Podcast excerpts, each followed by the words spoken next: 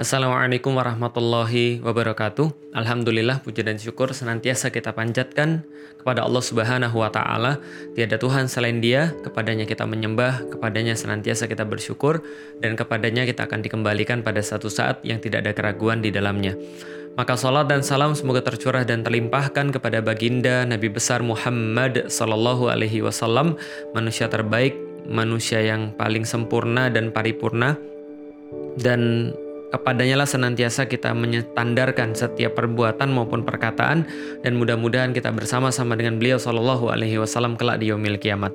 Teman-teman sekalian, eh, dalam beberapa video-video yang lalu saya sudah sering sekali menyampaikan bagaimana seorang muslim itu harus berinteraksi dengan agama-agama selain Islam. Jadi di dalam Islam itu tidak pernah ada uh, sebuah ajaran di mana kita itu diminta oleh Allah untuk membenci manusia, nggak ada. Kalaupun ada yang mengatakan bahwa itu buktinya orang-orang Muslim benci dengan Yahudi, benci dengan Nasrani. Misal ada uh, ayat di dalam Al-Quran, walan tardo angkal Yahudu walan Nasoro hatta tattabi'a millatahum. Tidak akan pernah ridho orang-orang uh, Yahudi, tidak akan pernah ridho orang-orang Nasrani sampai orang-orang Muslim mengikuti agama mereka atau ajaran-ajaran mereka itu adalah sebuah peringatan, tapi bukan sebuah perintah untuk membenci.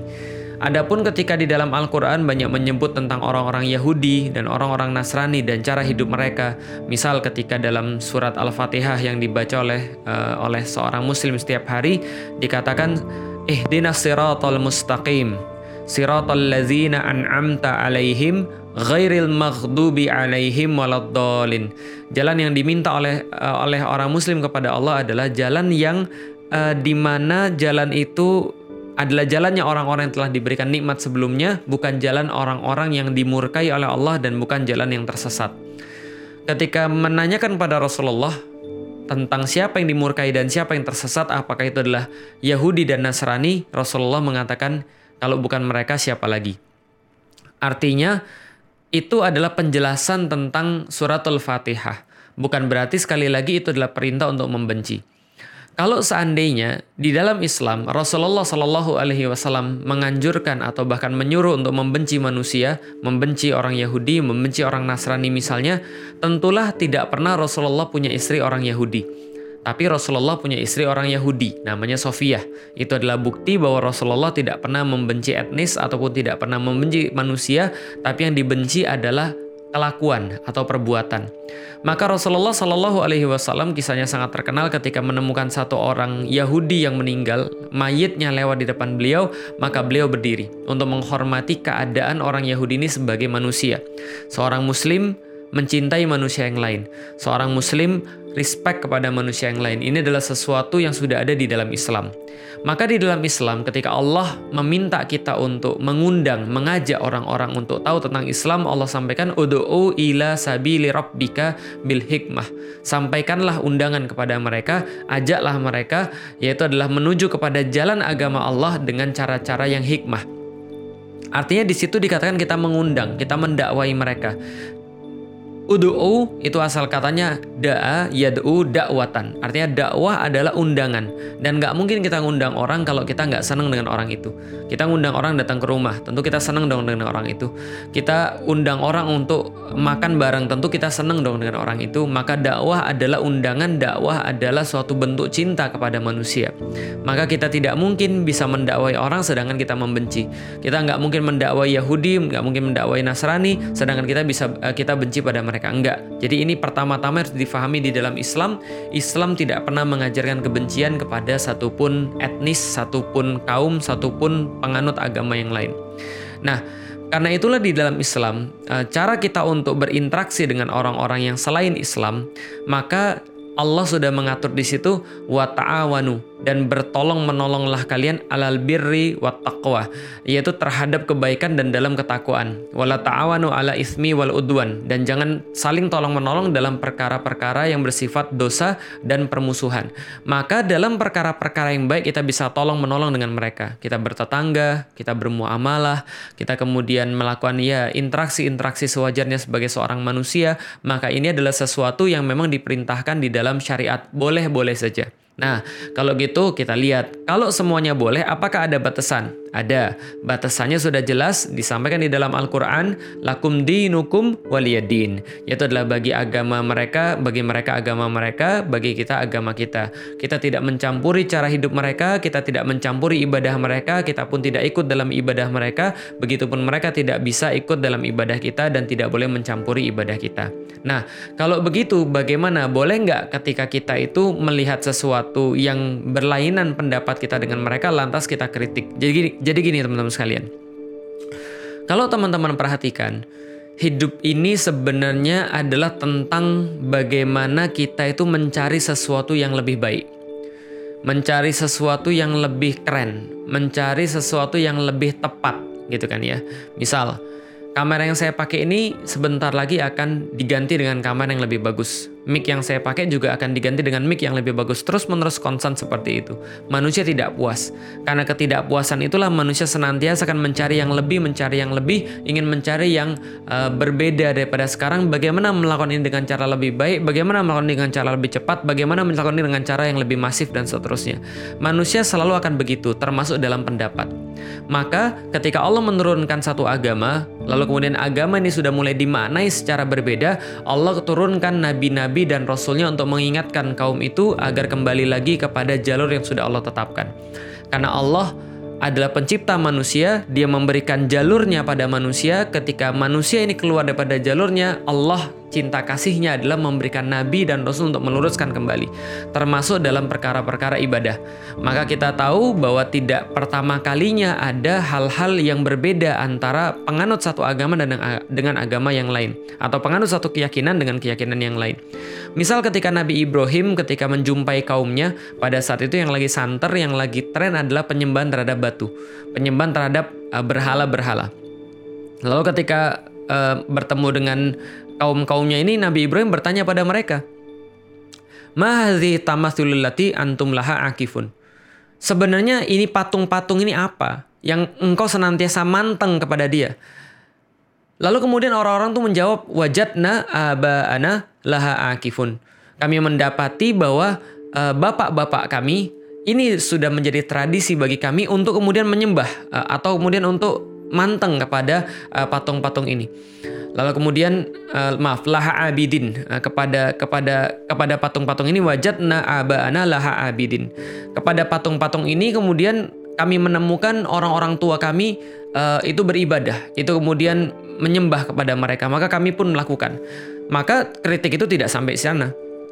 Tapi Ibrahim lantas mengatakan kepada orang tuanya, uh, sebagaimana dicatat dalam surat Maryam, uh, wazkur fil kitabi Ibrahim dan coba lihat bagaimana kisah Ibrahim idz qala rabbuka uh, maaf idz qala li abihi ya abati lima ta'budu ma la yasma'u wa la yubsiru wa la yughni anka syai'a wahai bapakku ngapain nih engkau menyembah sesuatu yang yang sesuatu ini tidak dapat untuk bisa mendengar, tidak bisa untuk melihat, tidak bisa untuk mencukupi kamu. Ini lihat ya, ini ada beda antara menghina, mencaci dengan memberikan argumen. Memberikan argumen itu untuk menyadarkan orang dengan cara yang paling baik yang bisa dia lakukan. Tapi kalau mencaci tidak tidak perlu untuk menyampaikan fakta, tidak perlu untuk menyampaikan uh, argumen, tapi cukup untuk menghina dan mencaci. Nggak perlu saya tunjukin. Banyak di antara uh, penganut agama saling mencaci satu sama lain. Yang itu yang kita tidak lakukan. Banyak sekali gitu kan ya. Ada yang muslim kepada yang lain, ada yang lain kepada yang muslim dan kita tidak lakukan itu. Itu mencaci beda dengan memberikan argumen. Yang diberikan oleh Nabi Ibrahim adalah memberikan argumen. Lima ta'budu malayasma'u walayu besiru walayu yukhni angka syai'ah. Kenapa kamu beribadah pada sesuatu yang nggak bisa lihat dan nggak bisa dengar dan maaf nggak bisa dengar, nggak bisa lihat dan nggak bisa mencukupi kamu. Jadi apa yang kemudian diberikan kepada kamu? Lalu kemudian dikatakan lagi, uh, ya abati inni qad ja'ani minal ilmi ma lam ya'tika fattabi'ni ahdika sirotong sawiyah. Wahai bapakku, aku itu sudah dikasih sebuah ilmu yang tidak pernah datang kepada yang lain, lalu kemudian karena itu aku ngerti, maka ikutilah aku. Karena aku ngerti, aku dikasih ilmu tentang ini. Ikutilah aku, aku akan kasih sebuah jalan yang bagus. Lalu kemudian dikatakan lagi, Ya abatila ta'budi syaiton, wahai bapakku jangan ikuti syaiton. Kenapa? Karena menyembah patung, karena kemudian melakukan uh, ibadah kepada patung ini adalah sama seperti tak budi syaiton, engkau menyembah kepada setan. La tak budi syaiton, inna syaitona kana lirrahmani asiyah. Sesungguhnya syaiton itu sangat ingkar, sangat maksiat kepada Tuhannya. Ya abati inni akhafu ayamassaka azabu minar rahman. Dan aku khawatir kalau engkau melakukan ini terus nanti engkau bisa diazab oleh Allah. Ini adalah rasa sayang untuk disampaikan pada kemudian bapaknya. Tapi apa kemudian reaksi bapaknya? Bapaknya kemudian uh, orang tuanya malah kemudian mengancam untuk merajam uh, Ibrahim yang langsung dibalas salamun alaika saastaghfirulaka rabbi. Uh, keselamatan bagi engkau uh, tetap didoakan kemudian orang tuanya dan kemudian dia akan memintakan ampun kepada Allah Subhanahu wa taala. Ini akhlaknya Nabi Ibrahim. Pertanyaannya, kalau Nabi Ibrahim memberikan kritik pada waktu itu di zaman sekarang kira-kira gimana? Apakah kita bakal ikutan ngebully? Wah ini nggak toleran beragama, ini anti Pancasila gitu kan ya. Ini tidak menghormati keberagaman beragama. Bukan begitu. Tapi masalahnya coba kita balik. Kalau andai kan Ibrahim ada di zaman ini dan dia ditanya tentang patung, kira-kira jawabannya apa? Apakah jawabannya Yes nggak apa-apa lah gitu kan. Ya itu kan terserah orang masing-masing. Dia pasti akan menjelaskan sesuatu yang memang dia diberi ilmu tentang itu. Karena dia adalah diberikan ilmu untuk meluruskan penyembahan manusia terhadap Allah Subhanahu wa taala. Maka yang akan dijawab oleh Nabi Ibrahim pasti apa yang diberikan oleh Allah Subhanahu wa taala. Dan itu adalah sesuatu argumen uh, ada yang bilang tapi kan akhir-akhirnya dia walaupun menang debat dia nggak selamat. Ya memang itu pelajarannya. Menang debat belum tentu selamat gitu kan ya. Bisa jadi anda menang debat hari ini besok dipersekusi gitu. Bisa jadi. Tapi ya kira-kira begitulah teman-teman sekalian yang bisa kita lihat bahwa zaman dulu pun ini sudah ada. Dan Rasulullah Shallallahu Alaihi Wasallam itu secara konstan mengkritik akidah-akidah yang salah bagaimana manusia menyembah uh, berhala-berhala yang ada di Ka'bah pada saat itu, bagaimana kemudian manusia menjadikan nasabnya lebih tinggi daripada misalnya uh, kemanusiaan itu sendiri, bagaimana manusia memperlakukan perempuan secara salah, bagaimana Allah itu salah dimaknai bahwa Allah itu hanya dimaknai sebagai Tuhan tapi tidak sebagai uh, sebagai ilah, tempat sesembahan misalnya. Ini semua dikritik oleh Rasulullah. Lah kalau misalnya kemudian itu semua dikritik, itu tidak boleh, lantas kemudian untuk apa beragama? Tapi nggak boleh menyakiti orang lain dong, nggak boleh menghina orang lain. Sudah saya sampaikan, hinaan berbeda dengan argumen, tolong dibedakan. Dan kalau seandainya dakwah itu mau disesuaikan dengan kemudian perasaan orang lain, ya kapan dakwah itu bisa jalan? Karena ada pasal karet yang bisa diterapkan, perlakuan tidak menyenangkan. Ya semua orang bisa menggugat orang lain dengan perlakuan tidak menyenangkan. Karena itu uh, sangat relatif, itu sangat subjektif menurut orang lain. Makanya kemudian saya sampaikan, coba lihat kasus di mana yang akhir-akhir ini terjadi. Ada sebuah ceramah disampaikan di tempat yang khusus yaitu adalah di masjid, bukan untuk kemudian kalangan terbuka, lalu kemudian di, uh, diberikan dalam rangka menjawab satu pertanyaan. Saya dikatakan misalnya, saya ditanya, bagaimana hukum patung di dalam Islam? Ya saya bilang nggak boleh lah. Saya bilang lah kemudian di dalam Islam kita memahami patung itu tempat uh, tempat bersemayamnya jin misalnya. Ya itu adalah kemudian jawaban saya. Uh, lalu mau dijawab apa lagi? Sedangkan itu ilmu yang disampaikan kepada kita oleh para ulama misalnya. Oleh para ulama yang belajar uh, pada ulama sebelumnya lanjut terus sampai pada Rasulullah Shallallahu alaihi wasallam. Ini orang yang berilmu seperti Ibrahim tadi karena sudah mengetahui ilmunya maka terus disampaikan secara benar, secara baik. Nah, kalau gitu teman-teman sekalian, ya nggak boleh dong kita kemudian menang sendiri, ya harusnya kita dewasa. Dan salah satu kedewasaan adalah bisa menerima perbedaan walaupun kita nggak suka dengan perbedaan itu.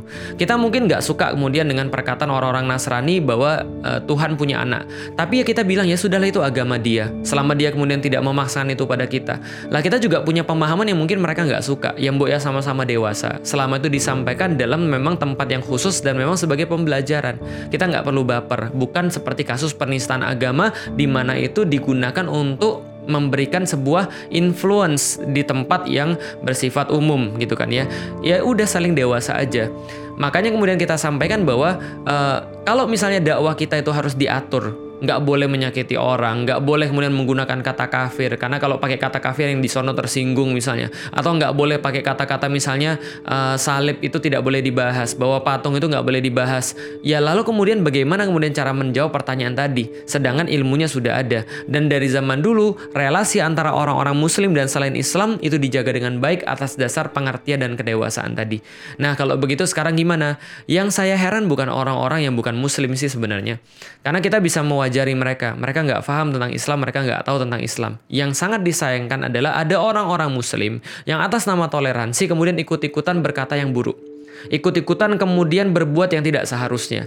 Ikut-ikutan ngebully ulamanya sendiri. Ikut-ikutan kemudian merasa sok tahu tentang agamanya. Pertanyaan saya teman-teman sekalian, kok bisa ada orang-orang yang baru belajar agama terus menentukan yang benar tuh ustadz ini karena dia nggak pernah ngomong tentang kafir, dia nggak pernah ngomong tentang agama yang lain. Yang ustadz ini yang salah karena dia ngomongnya tentang begini, begini, begini. Pertanyaan saya, Anda siapa yang bisa menentukan yang ini yang benar dan ini yang salah? Itu seperti ada orang yang nggak pernah nyanyi dan nggak bisa nyanyi tapi jadi juri nyanyi. Kan kan gitu kan ya. Nah, sedangkan ini ilmu yang memang harus disampaikan. Apakah karena memang uh, karena ini tidak bisa diterima oleh sebagian orang lantas ilmu ini tidak uh, tidak boleh disampaikan atau lantas ilmu ini jadi nggak benar? Ya nggak dong harusnya.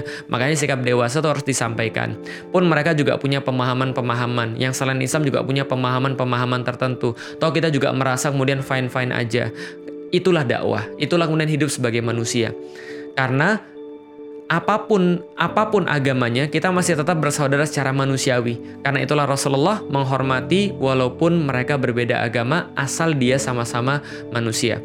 Artinya di sini adalah sebagai sebuah pembelajaran bagi kita semua untuk bersikap dewasa dan untuk bersikap lebih bijak. Dan coba melihat bahwa kalau seandainya perkara-perkara ini disikapi secara menang sendiri dari zaman yang lalu mungkin nabi-nabi nggak ada yang bisa berdakwah. Tapi yang terakhir yang terjadi pada Ibrahim dia dibakar. Yang terjadi pada nabi-nabi yang lain mereka mendapatkan kesulitan ketika tetap berbicara kebenaran.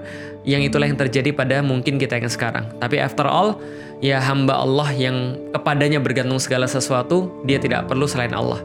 Itulah definisi Allahus Samad. Dengan definisi itu, semua dari kita adalah Abdus Samad, hambanya hambanya yang maha uh, yang dia tempat bergantung segala sesuatu Mudah-mudahan kita semua tetap berdakwah di jalan Allah, tetap semangat dan tetap berani untuk menyatakan yang benar dengan cara yang sebaik-baiknya sehingga orang-orang bisa tercerahkan. Assalamualaikum warahmatullahi wabarakatuh.